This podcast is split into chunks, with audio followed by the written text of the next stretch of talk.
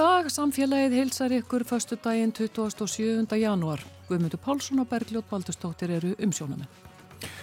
Reglum um valdbeitingu lögreglu hefur verið breytt þannig að nú má lögreglan nota rafbissur. Það mun þó ekki gerast fyrir hennar lokinni þjálfun lögreglumanna og kaupum á slíkum tækjum. En þessi mögulega rafvopnavæðing mælist misvel fyrir og ýmsar gaggrínisrattir hafa heyrst í umræðinni. Landsamband lauruglumanna fagnar hins vegar þessari breytingu. Við ætlum að tala við formannin fjölunni Sæmundsson hér á eftir. Hús Íslenskunar verður afhend árnastofnun í næsta mánuði og starfsfólk stopnunarinnar er byrjað að pakka niður. Nafnasamkeppni um húsið fer af stað næstu daga. Árnastofnun fær fjölmarkar fyrirspurnir um íslensku handritin, ekki síst frá ferðamönnum, sem stundum banka upp á og vilja fá að sjá þau ekki síst konungsbók ettu hvæða. Við heimsækjum Guðrunu Nordal, forstöðumenn árnástofnunar í þættirum í dag. Við heyrum málfarsmínútu og svo kemur Sævar Helgi Bragason til okkar. Hann ætlar að segja okkur frá halastjörnunni Seta TFE3 sem nú má sjá á himni milli stjörnumerkjana Littla og Stóra Bjarnar. Sævar Helgi ætlar að segja okkur allt um þessa halastjörnu á eftir. En við byrjum á rafbissum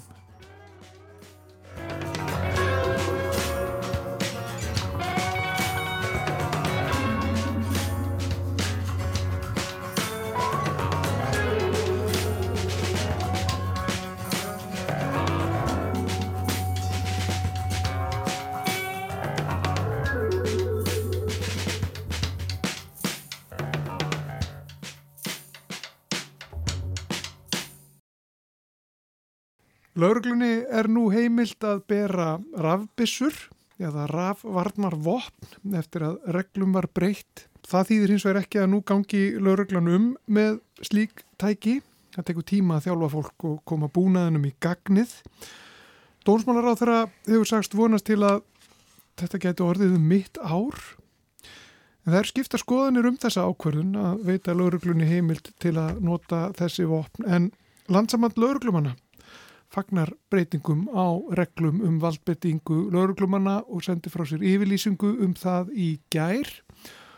Fjölnir Sæmundsson er formaður landsambands lauruglumanna, hann er komin til okkar og verður velkomin. Takk fyrir. Já, kannski bara fyrst, uh, hverju breytir þetta fyrir laurugluna að fá þessa heimild? Sko, ég hef nú svona sem formaður landsambands lauruglumanna og svona formaður stjættafélags verið að leggja áherslu á þetta breyti því að þetta auki öryggi lauruglumanna, að þeim muni líða, líða betur í starfi og við höfum verið að benda á að, að það hefur vantað einhvers konar tæki sko þessar, auðvitað er þessar nýju reglu frá dómsmálahöra ekki, ekki um, um rafvardavopn, það eru bara um valbeitingu lauruglumann og það er farið gegnum valbeitinga stegan og slíkt. En okkur hefur sko þótt vanta e, þarna tæki sem er þarna eitthvað staðar frá úðavopni upp á skotvopni að, að, að það vanta eitthvað tæki þarna á milli og, og þetta, þessi tæki, almennt kvöldu teyser, það er svona algengasta, algengasta tegundin, þú getur sko yfirbúkað eitthvað í alltaf sjö metra fjarlagð og, og við höfum bent á það að vopnaburður hefur mjög mikið aukist. Og til dæmis bara í, í, þekktum áli núna kent við hérna bankastræti, hérna eitningastæðin þar, þar er farið húsleitir og þar er bara, eru er allir sko vopnaði hnífum og, og jafnvel með skotvopna heimilinu og þetta er orðið, sko, við lesum bara fréttin hverja helgi um hnífstungu árasir og það eru bara, bara ungir menn sem gangi hérna vopnaðir og, og, og stinga hvern annan og það er orðið algengar að lauruglan þurfi að, að yfirbuga fólk sem er vopnað stunguvopnum. Sko við þarna Lörguminn hefur nú aðlega verið að tala um þetta í sambandi við, við stunguvopni eða, eða stór barefli eða, eða eitthvað slíkt. Og hann að það hefur kannski gætt alltaf í miskilningi sko að hann að ef það verið mótmjölu austuvelli þá, þá komi Lörglann bara og, og skjóta allir með, með, með rafardavopnum en þetta eru til dæmis eh, sko tækið sem myndur bara alls ekki henda inn inn á fjöldastjórnun. Þú, þú getur ítla beitt þeim þannig, sko, ef, ef lauruglan vil rýma austuvell þá gerur hún það bara með táragassi á, á nokkru mínutum og við sjáum til dæmis bara í búsvaldabildingunni að þá gerði lauruglan það ekkert þó hún gæti það. Þannig að og, og eins og í þessum reglum hérna Lörglan beitti reyndar táragassi Já, já, þegar það var búið búi að kveikja eld þarna á, á austuvelli, þá gerðu það á lokum sko. En, en ef, e, e, ef fólk lesa þessar reglur hérna sko um valbendingu, þá sjáum við að það er gert ráð fyrir sko, uh, sko sprengjum og, og, og skotvopnum og táragassi og alls kannar sko. Við erum með valbendingastega í þessu reglum sem, sem skiptist í, í sex sex þarna svona þrepp og fyrsta þrepp er náttúrulega beita röttinni og við sjáum líka fyrstu grein í þessum reglum þá er sagt sko það ber, ber, beita meðalhofi og beita alltaf vægasta úrræði. Og það er náttúrulega það sem lauruglan hefur gert hinga til því að sko við hefum myndið mörg ár bæði verið með piparúða og, og, kilfur og það hefur svona verið okkar skoðun að kilva sé nú kannski ekki heppilegast af opnið í nútíma samfélagi. Því ef þú ætlar að beita, beita kilvu og eitthvað þá þarf það að lemja hann bara mjög fast og, og það kalla fram mjög mikil meðsli. Að sést í reglunum, sko, það er nú alveg skilgjönd í þessu reglum hvar maður lemja fólk með kilvum, það er semst í útlimi. En, en ef þú ætlar að sko afvopna mann með nýf, með kilvu, þá ertu trúlega að fara að brjóta á hann um hendina. Og, og þá segir hann þetta er nú vægara úrræði að vera þá með þetta rávarnavopn en gaggrinnin hefur kannski verið svo sko hana, hvað ítir við lengi á ráströminn og, og ég sé sko í hana, umræðum það er mikið talað um bandaríkin. Við viljum auðvitað ekkert bera okkur saman með bandaríkin sko. Og höfum bent á það, eh, sko við sjáum nú á YouTube held ég bara daglega myndi frá bandaríkjónum að ákala illa þjálfuðu lörglumannum sem er að beita sko aðferðum sem myndi aldrei sko líðast í Evrópu, eh, hvað þá á Norðurlundunum þannig að þarna við erum okkur svona illa við að bera okkur saman við bandaríkin í, í, í reglum og þjálfun því að sko þjálfun lögurklum á Norðurlundunum er, er sko tölver góð og mikil meðan þjálfun lögurklumanna í bandaríkinum er á ímsu tægi sko, við erum alltaf með 50 fylki og við erum með svo marga tegundur á lögurklumannum þar er við einstu verið með lögurklumann og götu með, með mánaða þjálfun sko sem byrði skotvopn.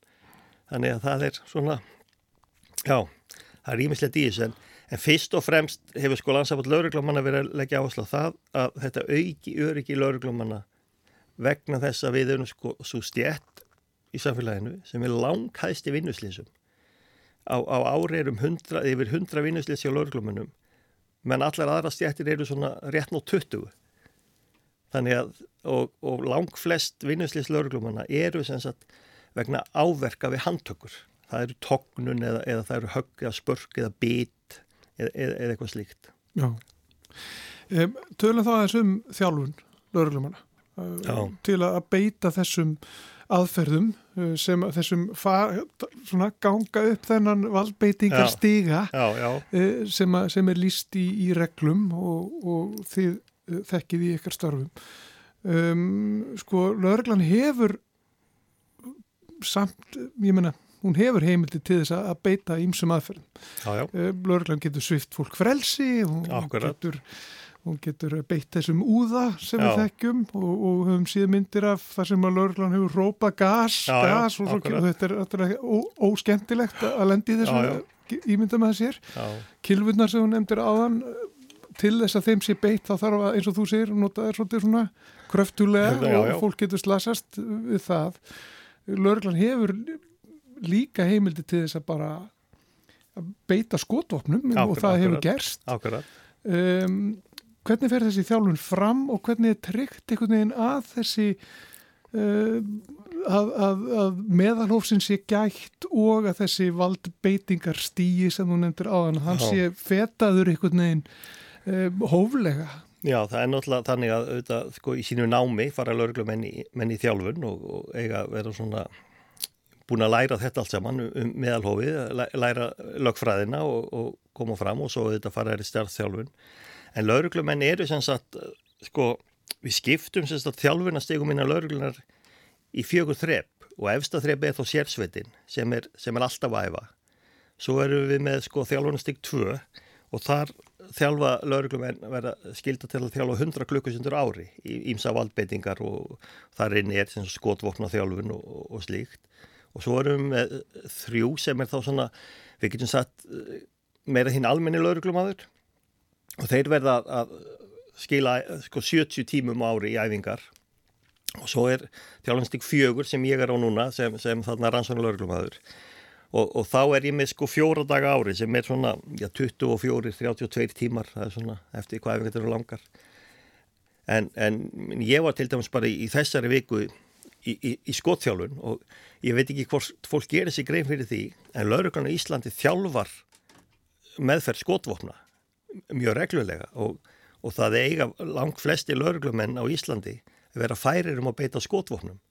Og þarna erum við kannski að segja sko, já, hvað, hvað á ég að gera í, í aðstæðum þar sem ég er með góðsveittan mann, mann með nýf sko, ég, meni, ég ætla ekki að fara að skjóta hann, hvernig, hvernig ná ég yfirbugan en, en, en ég sé það sko í umræðinni, það er nú, mér að segja, einhverju fræði menn haldið að laurgla á Íslandi sko sé ekki þjálfuð í, í beitingu skotvopna, en það, það er miskilingur og það eru skotvopni sko næstu því hverju laurglubíl og þetta grípið til þeirra með stuttum fyrir að vara þannig við lítum á þetta sem viðbót sem ætti að tryggja sko öryggi okkar og, og borgarana mm.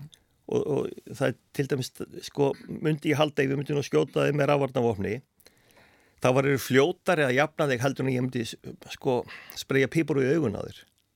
Já, en fer það ekki eftir mínu ástandi samt, hversu lengi ég er að jafna mig? Eða hvort jú, jú, það er varanlega áhrif á mig Það er talið sko, er kannski lótið erfitt með þessi vopn, það, það er einhvern veginn engar 100% rannsóknir til um þetta og það er ofbáslega svona mikla deilur. En við höfum verið að byggja á og ég sé að ráðherran vittnari það skýslu frá breska heimavarnarráðanætinu sem segir að í, í um það byrja 80-85% tilveika þar sem lauruglum er segjast að vera með ráðvartavopn, þá nægir það. Það þarf ekki að beita því sko nema í, í 20-15% tilveika þar sem því er hótað. Og þetta eru svona steg sem ég farið í gegnum, fyrst segi ég, guðmundur ég er með ráðvartavopn, nú leggur það frá því nývinn mm -hmm. og svo segi ég, nú er ég búin að taka það upp. Og næst segi ég nú kveiki á því sérðu ströyminn og svo segi ég sérðu rauða punktin á þér ég er að fara ég er að fara að beita því. Þannig að það eru þessar sko allavega fjögur svo fymta stiga þér bara þegar skýt pílum í þig en það er líka þannig leið og sko það er kveikt á rafvarðumofni þá á kveikna á búkmyndavilum allra lauruglum mann í kring þannig að það á alltaf verið upptöku og svo náttúrulega eru þetta bara nöðsönlegt að við aukum eftirlit með lauruglunni. Það er engin spurning. Sko, þessi nefndum eftirlit með störnum lauruglunni hefur náttúrulega verið mjög vannmáttug. Þetta eru hvað þrjum, þrjár mannökkur sem koma saman svona öðru hverju. Þetta þarf bara að vera á Íslandi bara einhver stopnun eða einhver sem fylgist með að því það, ég skil alveg það er vantraust. Það, það er vantraust þegar þú færð vald. Það vil einhver fylgjast með fólkinu sem er með valdið sko. En, en en lauruglumennu ber að, að sko fyrst að, beita röttinni svo lauruglutökum svo má beita handjátnum svo mm. með þess að held ég númið fjögur að þeim eru laurugluhundar sem við erum hundar ekkit með en, en, en það er hann inni sko Mynduðu vilja það? Já það vilja það, það sumir og það, það er náttúrulega því er kannski mest beitt þá í svona einhverjum fjölda en Ég veit það ekki, það er, það er bara dýrst að þjála upp lögluhunda sko, það er bara þannig, þannig að það er mér þess að við erum ekki með marga fíknefnahunda og tollurinn hefur doldið séð um það bara. Ummitt. Mm. En, en sko þessi þjálfun, hvernig um, þetta að sko að halda sig að beita valdi sínu hóflega sko. Já, já. Hvernig er það einhvern veginn já, hvernig byrtist það í þjálfunni? Er það, er það sérstaklega einhvern veginn, eru, eru, er lögurglufólk sérstaklega þjálfað í því einhvern veginn að, að halda rósinni undir, undir erfum kringustafum og að, að grýpa ekki til óþarflega harðara svona, já, bregðast ekki óþarlega hart við? Já, það er náttúrulega innprintað í fólki þjálfunin í skólanum endalaust, það er þetta, þetta meðal og grýpa til vægasta úrræðis og, og Ég held að sko langlæsti lauruglum gerir það, reyna nú að leysa mest með, með röttinni og, og, og, og tala fólk til sko. Mm -hmm. en, en það sjáum við það sko að, að þú veist, laurugluminn er ekkert að beita kilfum hér sko dagstæðlega, það er kannski oftar piparúðinn en og einhvern veginn þó það sé hlið við hlið í valdbendingastegunum þá sjáum við sko í huga lauruglumanna að þú beita er helst ekki kilfunni nefnir neyð þegar þú beita frekar piparúðunum sko þó það sé sett á sama stað sko ef við getum tekið dæmi piparúða, við erum hérna í stúdíói, ég get ekki beitt honum hér inni því að þá fyrir hann bara augun á mér líka. Við erum í lokuðu rými. Þannig að það er ímislegt eh, svona sem að lögum að verða þá að meta hvað geta þeir, hverju geta þeir uh, beitt í hvert skipti. En, en sko ég held að sko besta uh, eftirliti með lögumennum eru reyndar þeir sjálfur sko. Lögumenn hafa mjög mikið eftirlit með hverju öðrum og, og tilkynna mjög reglulega ef þeim finnst félagin hafa fa farið yfir strikið sko og, og, og laurgluminn er oft tilkynntur og það er skoðað hvað gerðist í einhverju tilfelli og nú erum við með mest alltaf upptöku sko ef það er ekki okkar búkmyndavilar þá eru þrýr farsímar uppi sem að hana, fylgjast með okkur sko. Þannig að þarna í lauruglan sko er ekkert að gera eitthvað í, í, í, í leini sko.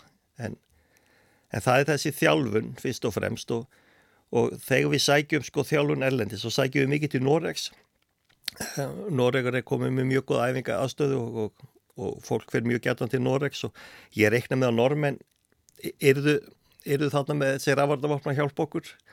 Það er stutt síðan þeir fór í gegnum þennan prósess sko. En það má kannski geta þess sko að, að, að við hér á Íslandi vorum komið mjög langt með einlega rafardavopna árið 2008 og þar var fullt af lauruglumennum búin að fara á námskeið. Og mér telst til að það sé um það byrj 40 lauruglumennu þegar á Íslandi sem hafi sko heimild hafi lokið námskeiði til að beita rafardavofnum og, og einhverjir hafi lo, lokið sko kennsliði og kannski rétt að, að benda á það að því að ég sá ráðhrifan að spuru hvort hann ætla að láta skjóta sem er rafardavofni það er hluti að þjálfur lauruglumanna að hann að þeir ætla að fá leiði til að beita rafvarnavofni þá þurfum við að ráta að skjóta sig með því til að vita hvernig það er. Það er svipað og, og, með piparúðan sem er spröytað augun á okkur í skólunum til að við vitum Já. tilfinninguna. Þeir eru ekki landið með kilum. Og ekki heldur skotin með byssu. Sko. Nei, nei, nei, nei.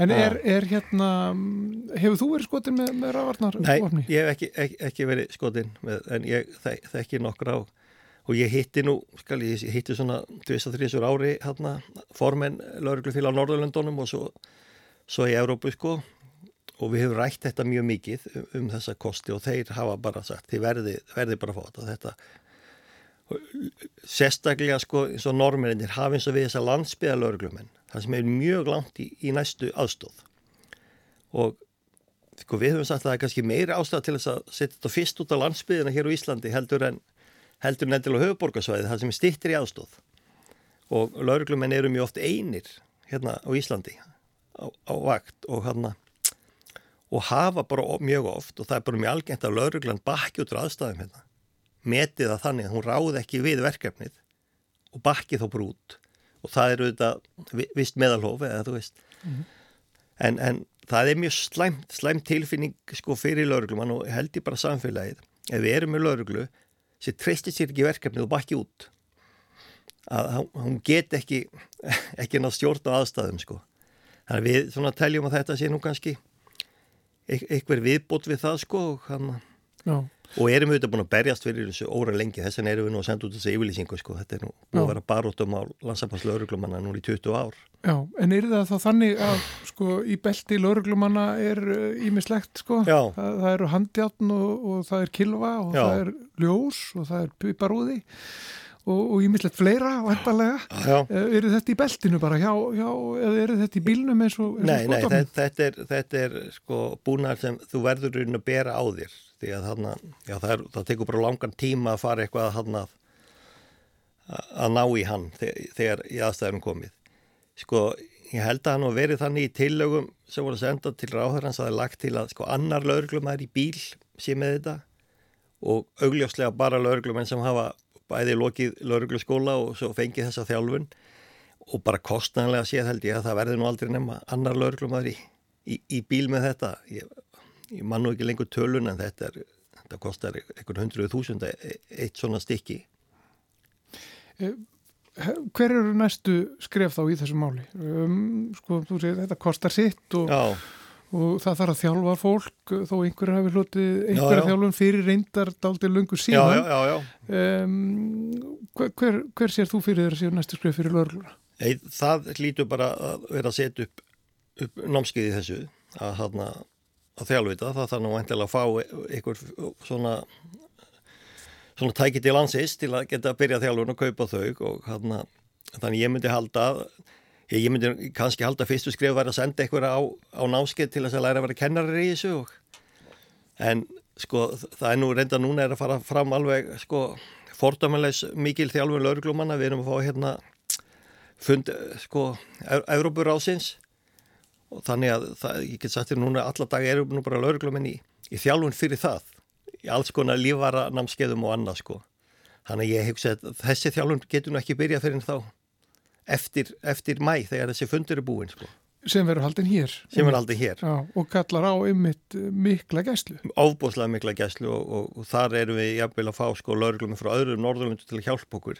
Því að það er einfallega ekki nóg margi lauruglum en á Íslandi til að uppfylla skilirðin sem eru sett fyrir svona fundi. Já, já. Þannig að það verða held ég bara allir laurugluminu í Íslandi í vinnu og pluss eh, félagar okkar frá, frá Norðurlundunum koma hérna og aðstóða okkur Já. og svo náttúrulega vitum við að, að þessi menn kom allir, allir með lífverði með sér sko. Já, og það er mikill undirbúningur og þjálfun í gangi Já, það er mikill þjálfun, þjálfun í gangi núna út þessu, Já, út af þessu. Þannig að ég, sko, í Íslandi verður alveg einstaklega vel þjálfuð í, í, í, í lok mæ, sko. Búin að fara á mörg, mörg námskeið og ég ímynda mér að þetta geti þá kannski byrjaði framhólda því. Þannig að við erum þá kannski að tala í sömar næstu haust, eitthvað svo leiðis mm -hmm. Með mitt Það var uh, ágæðvert að fá þig í heimsók Fjölnis Eymundsson formar landsambands lauruglumanna uh, þið voru að senda frá okkur álygtun eða yfirlýsingu vegna þessara þessara reglubreitinga uh, þar sem að um valdbeitingu löglu þar sem að verður heimilt að nota rafbissur eða rafvortnar vopn. Takk fyrir komuna. Takk.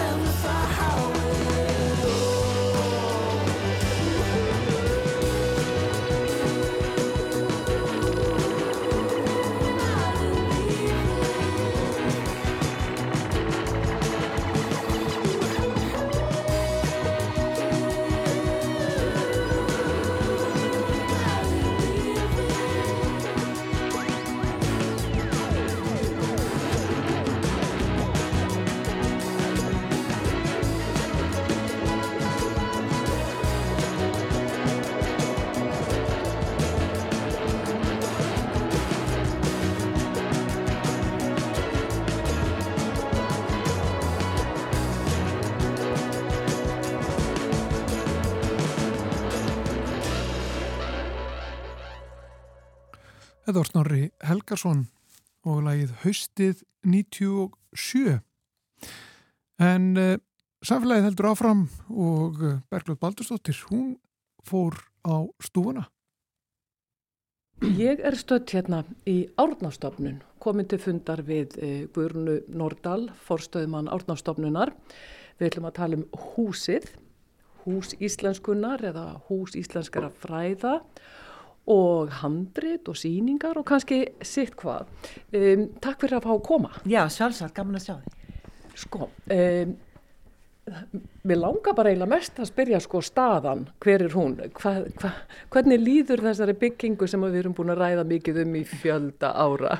Já, nú nálgast verklokk, þannig við vonumst til að ef allt gengur upp með að við nýjast upplýsingar að húsi verði afhend líklega í næsta mánu, í lók næsta mánuðar. Þannig að það stýttist. Það stýttist, er þið byrjuð þá að undirbúa flutninga? Já, við erum búin að vera að undirbúa, það er aldrei langan tíma því að við erum auðvitað með allskinn söfn hjá okkur sem við þurfum að auðvitað fara yfir og vera vissum að sé tilbúin og hvernig þau eigum að koma þeim fyrir líka í nýja húsinu. Það er ekki bara handildarsafnið, heldur líka við erum með stort örnefnasafn sem var að því örnefnastofnun Íslands hún saminæðist inn í þessa nýju átnastofnun sem var búin til 2006 og svo erum við líka með mikið orðfræðisöfnum, söfnum orðabokar háskólas og, og öðrum söfnum sem hafa komið til stofnunarinnar í gegnum tíðina þannig að við erum með mikið af söfnum sem þurfum að koma vel fyrir og erum auðvitað að fara yfir það allt saman mjög vel og svo erum við auðvitað líka að nota tækifæri til að, að laga til og, og við erum til dæmis núna í þessari viku með svona tiltektari viku að við erum bara raun og veru að fara yfir gögn og, og henda og, og svona grísja hjá okkur. Sko, eh, því hún nefnir þarna örnefnasafn, eh, í hvernig formati er það? Er þetta þá, er þetta bækur? Já, þetta eru skjöl, þetta voru spurningalistar sem voru sendur um all land, þannig að þetta eru skjöl um, um, um og, og um all land sem eru mjög gríðarlega mikilvægur upplýsingar um, um, um örnefni og um örnefni á, á jörðum sem eru oft auðvitað ekki kannski svo þekstar í dag, þegar fólk er hægt að búa þeim, þannig þetta eru gríðarlega merkilegar upplýsingar sem eru með í safnin okkar. Og við erum líka með kort, landakort, það sem hefur búið að koma þeim fyrir á korti.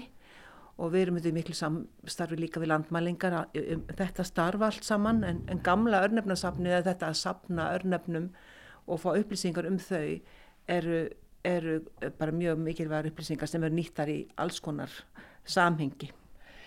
Sko, er, ég ger ráð fyrir sé plásfyrir allt saman í nýja húsinu? Já, já, það var gert ráð fyrir þessu allir saman. Og, og, en við erum bara raun og verið svona skipleiki okkur og það, eins og alltaf þegar það fólk er að flytja millir húsa, mm. það er bara á við einstaklinga og á við stofnanir að, að þetta er tækifæri til að fara yfir ímislegt og, og skipleika með nýjum hætti og þetta er þetta spurning hvernig við þjónustum notandan og hvernig við gerum það með bestum hætti á, á nýjum stað.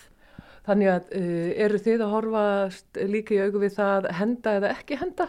Við erum náttúrulega ekki að henda neinu í söfnunum okkar að sjálfsögðu en við erum svona bara í okkar enga skrifstofum eða, eða okkar enga gögnarsöfnum starfsmenninir.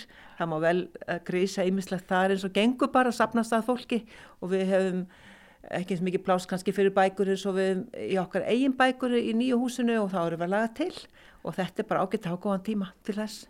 Er uh, búið að ákveða hvað á, eða hvernig fyrir með nafnið á húsinu? Það verður nafna samkjöfni. Við ætlum að koma henni í gang bara næstu daga og það er mjög gaman að fá tækifæra bara til að svona að hvetja fólk til að taka þátt í henni, sendi inn tilögur að því að við viljum gætna að þetta fari sem víðast og, og við fáum góðar uppástungur um nafn á húsinu svona sem eitt nafn og síðan er þið hús íslenskunni svona undirtitill fyrir húsið. Já, þannig að það verður sem sagt bara uh, kallað eftir því að fólk komi með hugmyndir. Já, kallað eftir því og það verður bara svona samkeppni eða, eða tillögu samkeppni um það hver kemur kem besta nafnið vonandi og við vorum með að hugsa um að láta kjósum kannski tvö, þrjú nöfna lokum mm. sem var í gaman að því að við viljum gætna að þetta er hús, íslenskuna í hús sem er fyrir alla, þannig að við viljum gætna að fá uh, sem viðasta þáttöku.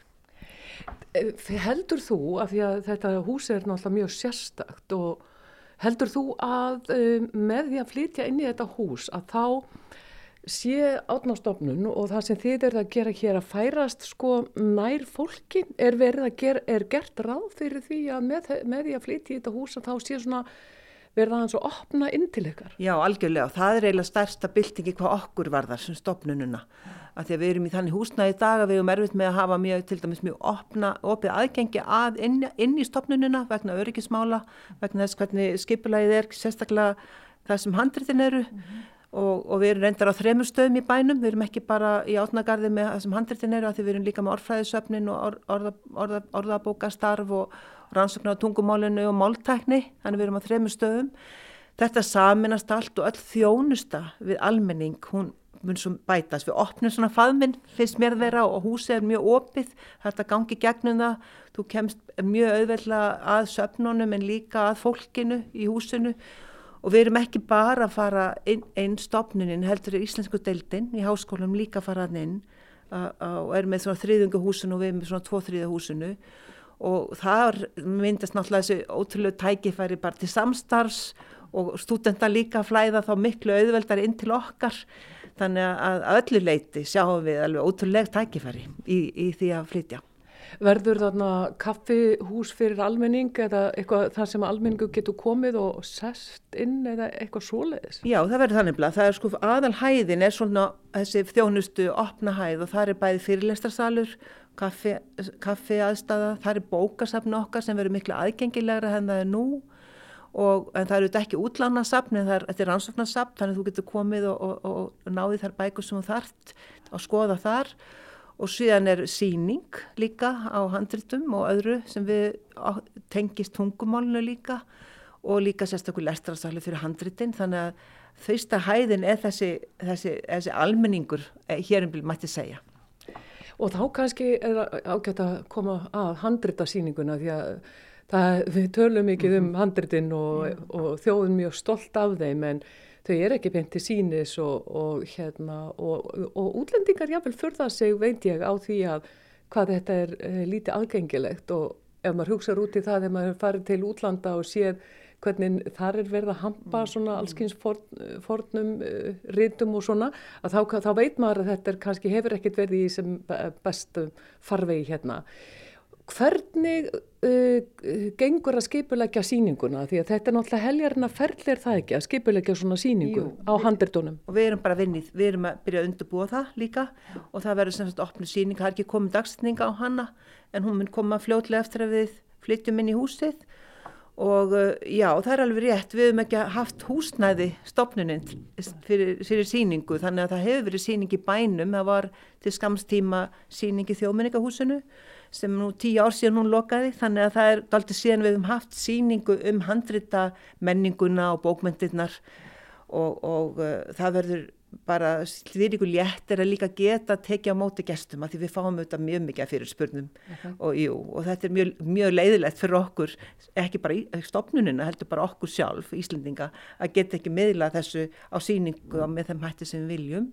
Þannig að eins og ég segi, þarna myndast bara algjörlega nýjir möguleikar, bæði til miðlunar og taka móti gestum og, og vera líka í samskiptum við söfnin hérna kringa því mér finnst líka alltaf gaman að, fólk hugsa um það að við erum staðsett á melavellin gamla og við vonumst til að, að kátinan og gleðin og, og svona eh, ekki kannski endilega kappið án forsjár heldur bara svona keppniskapið smitist inn í húsið og við erum þarna líka í, í nágræni við landsbókarsafni þannig að það er samstarf millir okkar og þjóminarsafni hinum með við göttuna þannig að þarna hefur myndað svona safna miðja yeah og mér finnst að við ættum að gera eins mikið við getum til að tengja þetta allt mjög vel saman og fyrir gangandi vegfærundur að þetta er náttúrulega umferðar æðar að þetta er göngulegin úr bænum er þarna mjög greið auðvitað upp, upp á, upp á, upp á mela, melana. Þannig að ég vonast til að, að það munir líka gera sporgalínan mun stoppa þarna fyrir utan. Þannig að það munir myndast alls konar nýtt tækifæri að, að, að þessi söfn líka starfi saman Þú sagðir hérna að þið fáu mikið að fyrirspurnum. Hverjir er að spyrjast fyrir um handritin hjá okkur? Já, það er bara að koma gestir hérna sem eru ferðalangar. Auðvitað sjáðir það þegar googla að það er engin síning en, en sumi koma meirins að hinga og spyrja megum við ekki koma því að við erum búin að býða eftir að koma og sjá ákveðin handrit mm. og, og við því miður getum við ekki gert það. Mm. Þannig að en, þannig þetta finnum við náttúrulega bara mjög mikið fyrir. Þannig að fólk er bara banka hérna á eða ringja bjöllunni. Já, já, það gerir það, já, já. Það, við vitum að þessi handrit eru mjög verðmætt og þau eru mjög viðkvæm. Hverjir eru það sem að eru að hanna svona síningu? Hver ræður þessu sko? Hver er að gera þetta? Við erum ekki alveg komið þangað en, en við erum bara í þessu ferli að, að undurbúa það og, og, og fá til við okkur auðvitað hönnuði, en því við erum auðvitað ekki hönnuði sjálf og við erum með gáttum ráðið síningastjóra ennarstofnunina vegna þess að við værum að undurbúa þetta stóra verkefni. Þannig að við erum auðvitað að leita aðstofar utan, utan við stofnunina. Og þetta er bara ótrúlega spennandi núna tækifæri fyrir okkur að, að, að sína þau með nýjum hætti og auðvitað líka bara að, að það er svo mikilvægt líka bara að koma inn áleiðis til unga fólksins, skólana, við hefum náttúrulega lagt mikið upp úr skólastarfi og miðlunastarfi og reynd að gera mjög mikið þrátt fyrir að við hefum ekki haft síningu, við hefum farið í skólum all land með ákveðna, ákveðna svona miðlun og, og, og sapkennslu, þannig að við reynd að færa handlutinn þannig til krakkana en núna getum við miklu auðverðar fengið þau aftur til okkur, okkar. Þannig að þetta bara, það eru að, að svo mörg að higgja. Er, en það er, og einhverjum er að varum að það er búið að hanna svona öryggi húsins og allt, allt, alla hönnun og rakasteg og allt þetta. Já. En er búið, mér finnst þess að ég hafa hýrt það að kannski einhver önnu síninga eitthvað, um eitthvað útbóð á síningarhönnuninni. Er það ekki komið? Það er ekki búið, nei. Þannig að við erum ekki búin að fá niðurstöði það. Er það í gangi? Já, það er í gangi. Þannig að vonandi bara kem, kemur það fyrir setna. Þetta er ofta alveg erfitt að tíma að setja svo líktur í því en, en já, fyrir en setna kemur niðurstæði það og þá fáum við til þess við okkar, okkur uh, hönnuði til að hjálpa okkur við skiplæðið og, og hönnun síningar.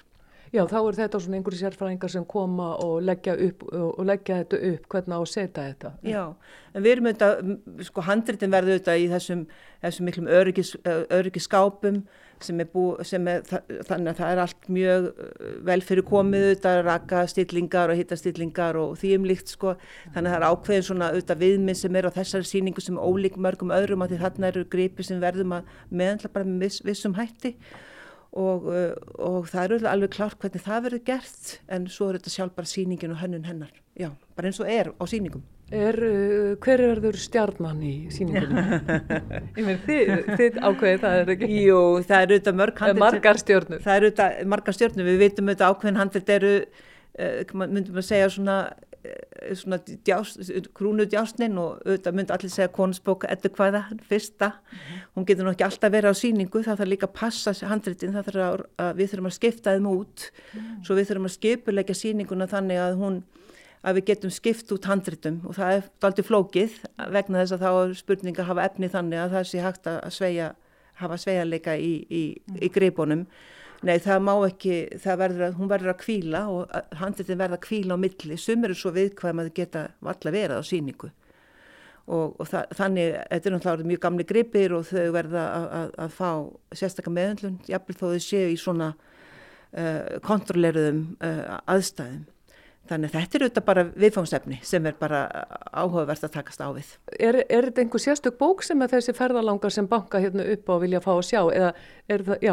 Hann er mjög öft hún, já, já því hún er náttúrulega sérstök og hún er, og líka það er bara svo mikið líka, svona dægumenningin tengist mjög mikið auðvitað ettunni og, og, og, og góðsögunum mm. og þá kemur fólk vegna þess að það hefur, hefur svona gripið að langi til að sjá hvaðan þetta, þetta efni kemur og þá er þetta konusbók ettu hvaða með hvaðið sem hverki annars þurfur varvett þannig hún er einstök í sinni röð. Snorrætt er það líka en hún er til í fleiri handritum. En konusbók ettu hvaða er, er auðvitað ein og sér. Og hún er auðvitað stórkostleg. Er einhverja fleiri bækur sem verða öruglega á síningunni sem þú getur nefn mér? Já, ég vildi nú kannski ekki endilega fara að nefna nöfn Nei, en, en, en sko og, og, og, og eins og ég segi konusbók ekki alltaf, getur ekki alltaf verið. Þannig, en þá verður önnu sem er alveg eins, ekki alveg eins en hún verður getur grepið hennar hlutverk og fullt uppfyllt hlutverk hennar.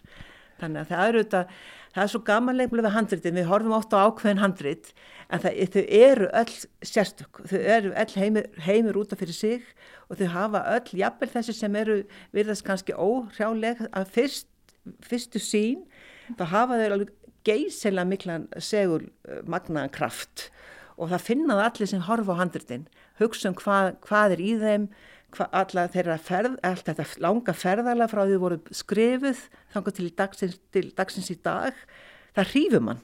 Þannig að þetta er ekki bara spurningum að sjá eitt og eitt handrit heldur þau bara eru svo, á, svo ótrúlega sterk. Er þetta að segja að bara uh, vera í návistirra návistirra hafa einhverjum svona útgeislun Já, það hefur það. Já, ég, ég er náttúrulega ég, það hef ég svo, upp, svo upplifað svo oft og eiginlega alltaf þegar ég síni handrit eða við setjum handrit á borðu eða reynum að, að miðla handritum til stúdenda og gesta sem koma hingað og við sínum handrit af ýmsum ástæðum þá kemur allt þessi sama. Það, það er svona óvanta, óvanta áhrif. Af því þau eru ekki svona, flest eru ekki svona eins og þessu stóru flottu handrit evróskra miðalda, þetta er dökk handrit, þau hafa lengt í ymsu, þau hafa verið lesin mikið og þessi saga þeirra er svo hrífandi og svo líka bara sjás eldstu brot eigilsögu, lagstælu, það eru konungasögu, það eru alls konar tekstar, það eru líka auðvitað trúalegi tekstar líka sem eru mjög merkilegir og, og, og, og saga þeirra hefur, er bara áhugaverða annan hátt heldur en goða, goð, goðsögurnar. Þannig að við viljum gætnan opna þessa heima og ólíku kema ekki bara að horfa á það sem allir kannski vita eða hafa meiri þekkingu á heldur opna fleiri. Þegar maður kemur til útlanda og svona söfn og svoleiðist þá eru oft svona sapnaverslanir og búið að búið til plagut og myndir af svona krúnudjásninu og, og svo framvis og svo framvis. Verður eitthvað svoleiðis? Já, við ætlum að reyna að vera með eitthvað svoleiðis. Við ekki, verðum ekki með einn stóra, erum við ekki sapni eins og þjóminnarsapni sem eru með mikla búð, mm. en við, ver, jú, við verðum með þannig hluti með, með, með frá síningunni. Þannig við erum bara, erum að fara alltaf inn í nýjan veruleika og, og, og, og það verður mjög gaman bara að kynna þetta þegar þetta nær dregur. Þá líka, uh, hvernig verður þetta dekkað á netinu? Hvernig verður vefsíðan ykkar? Verður, verður hægt að fara inn á vefin og skoða síninguna og sjá, eða sjá eitthvað? Hvernig verður þetta? Já, það er það, er það sem við erum hugsum að, að vefurum virki með síningunni. Þannig að það verður sérstaklega svona síningavefur og það sé hægt að halda áfram að skoða þegar heimi komið eða út er komið og jafnvel áður að kemur og, og, og sjá meira. Því við getum auðvitað bara sínt þegar við hugsaum um handrit þá getur þau bara sínt eina opnu en það er auðvitað, það er hún handritið er alltaf nýja og nýtt, nýtt nýr gripur eftir því sem flettir handritinu þannig að það er mjög gaman að geta miðlað öllu handritinu á VF og fólk getur flett því og þeir sem hafa sérstaklega áhuga einhverju handriti frekar en öðru geta þá farið dýbra en hægt er að gera á síninguna því við getum bara haft opið á einu stað. Já. Þannig að það er mjög gaman að geta nýtt vefin og, og, og nýjar aðferði í miðluna því að það er þeim flegir svoleiðis fram. Og það var nú þing bara í síðustu viku um slíka meilun á vegum eh, söguferðarþjónustu samtakana og það eru þetta gríðarlega tækifæri þar og líka tengja við aðra staði líka, meilunastað á landinu. Að því við hér eru við með handrit og svo er verið, þessi handrit voru skrifið um all land, þau fjallum atbyrðu sem gerðist um all land. Og það var gaman að reyna einhvern veginn með einhverju móti að tengja þetta saman þannig að við sjáum ákveðna heilt þannig við bara erum svona ákveðin staðu sem fólk vonandi kemur og, og heimsækir þegar kemur til Reykjavíkur og svo fer það á stað og þá kemur það í, í, á, á Þingvelli, Reykjolt, Skálholt, Otta þessar staði sem tengjast inn á Þingeirar handrits, við vitum handrið sem eru til og, og á þessum stöðum og, eða tengdust þessum stöðum svo eru þetta sögustæðinir þannig að það er alls konar svona möguleikar. En, en það er bara spurning hvað við getum og hvað við höfum krafta til. Og, pening. en, en, og peninga sjálfsögðu og hugmyndafljóð til að gera. Mm. en þetta er eitthvað sem myndi geta þróast líka áfram. Og það sem er sem þetta er að fara að gerast, núna er að þið eru að fara að flytja. Og hvenar verður það svona sirka? Við erum að vonast til að geta komist í mæjúni ef allt gengur upp. Við erum að fá húsi aðfend aðeins síðar, auðvitað COVID tafði ákveðna hluti eðlilega og, og svona framlegslu línur vegna stríðs í Evrópu hafa líka svona orði lengri en, en við vonumst til að þetta takist bara allt og, og við komumst inn í sumarbyrjun og, og ef ekki, ef ekki þá þá kannski bara aðeins síðar en þetta er alltaf bresta á og við hlökkum mjög mikið til. Guðrún Nordal, kæra þakki fyrir að fá heimsækju hver hérna í Árnastofnum. Já, mín er ánægn.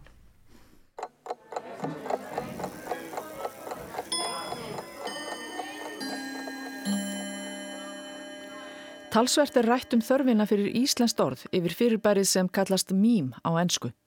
Þar sem hugtakið er oftast tengt við grín á netinu hefur verið reyndað íslenska það sem meme, jarm og farandbrandara. Heimsbyggingar hafa ekki verið fyllilega sáttir við gríntenginguna. Í spjallfræði á Facebook um þýðingu á hugtakinu kom fram það sjónarmið að réttast væri að kalla mím einfallega mím á íslensku og stafsetja það M-I-M. Þar er bent á að Alli Harðarsson hafi líklega fyrstur kallað mím mím á íslensku í bóksinni af jarðlegum skilningi sem kom út 2001. Í þessum þræði notar Guðmundur Ingi Markusson sjálfa mín kenninguna til að raukstiðja að mím sé góð íslenskun á enska orðinu mím og segir meðal annars að það dreifist af sjálfstáðum af því að það sé auðlært og falli vel að íslensku beigingakerfi.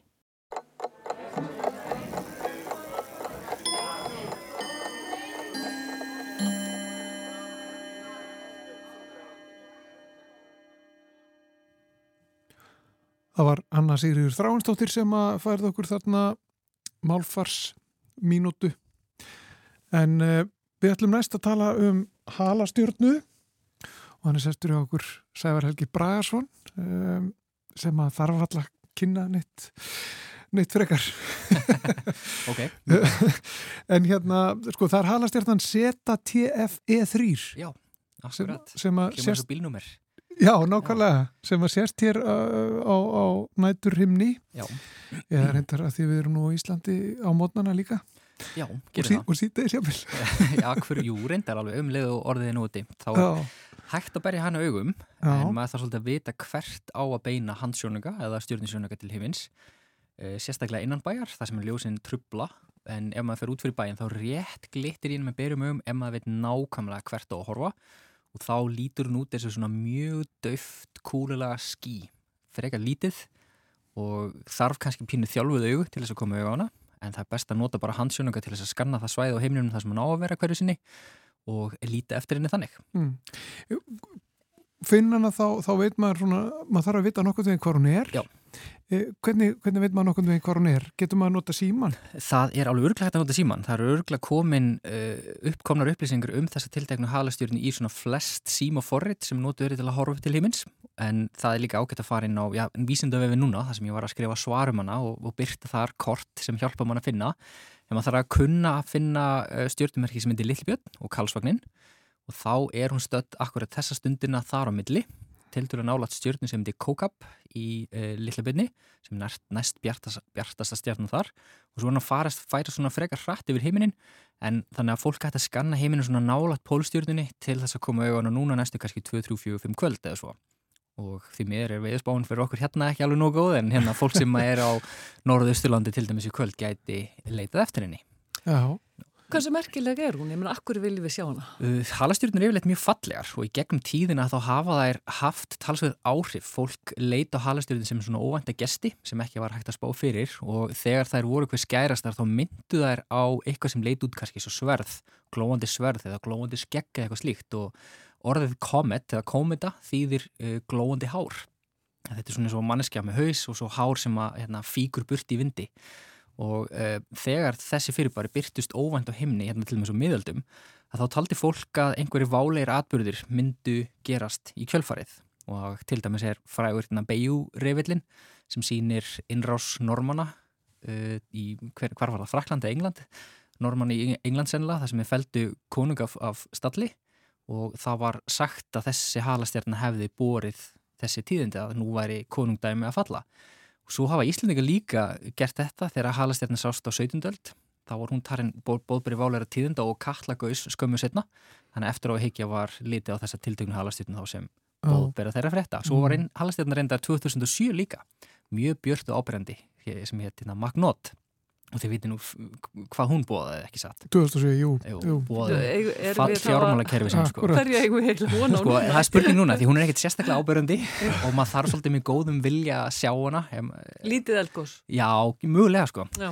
eða bara góðir tímar framöndan ekki að segja það líka. Þetta er svona jákvæð teiknalofti en, en halastyrnir, já, þær eru yfirleitt bara frekar fallegar og það er náttúrulega mjög merkilegar vegna þess að það er koma úr istu kimum sólkerfisins, úr fristikistunni það sem er kannski svona 250 stegar frost eitthvað svo leis, lengst frá sólinni. Og þetta er lítil björg, það er lítil fjöll sem detti átt að sólinni. Og þegar það koma nógu nálagt þá byrjar sólinn að bræða þær. Og þá byrjar bara yfirbúrið að gufu upp, þá myndir svona hjúpur eða hattur í kring um kjarnan. Og svo blæs sólvindurinn þessu efni burt og þannig verður halen til. Og sama, sami sólvindur náttúrulega myndar norðljósin hjá okkur þannig að yfirleitt eru þeir, eða þegar þeir eru mjög bjartar þá vekja þeir jafnan mikla aðtikli og þykja afskaplega fallega þar sem að sjást kannski vikum saman Já. Sko, já, það, það sem að, að, að það var búið og stendur hérna á vísindavefnum, hún hefur, hún sást áður fyrir 50.000 árum. Já, hér. Akkurat. Hvar hefur hún verið? Það eru svo bara fór hún eins og langt utalega hún komst á sinni svona spóruskilaða braut og það er þetta ímyndir sér þannig að brautin sé eins og egg, bara mjög, mjög stort egg, það sem annar punkturinn er mjög nálat sólinni en hinn punkturinn er hérna lengst miklu lengri burtur heldur, heldur um Plutó og í kringum sólkerfi okkar er svona skí sem er fullt af litlum svona björgum úr ís og reiki og stundum kemur fyrir að það er detti í átt til okkar. Og þessi tiltekna halastjarni búin að vera á sveimi um sólina bara frá því að sólin var til fyrir 4,5 miljardum ára. En þegar það er detti inn í áttu sólkerfni þá hafa reikistjörnar þingda tóið þeirra áhrif á hana. Þannig að núna, hún sneri síðast þess að aftur fyrir 50.000 árum og sérst núna heimlunum en sérst aldrei aftur.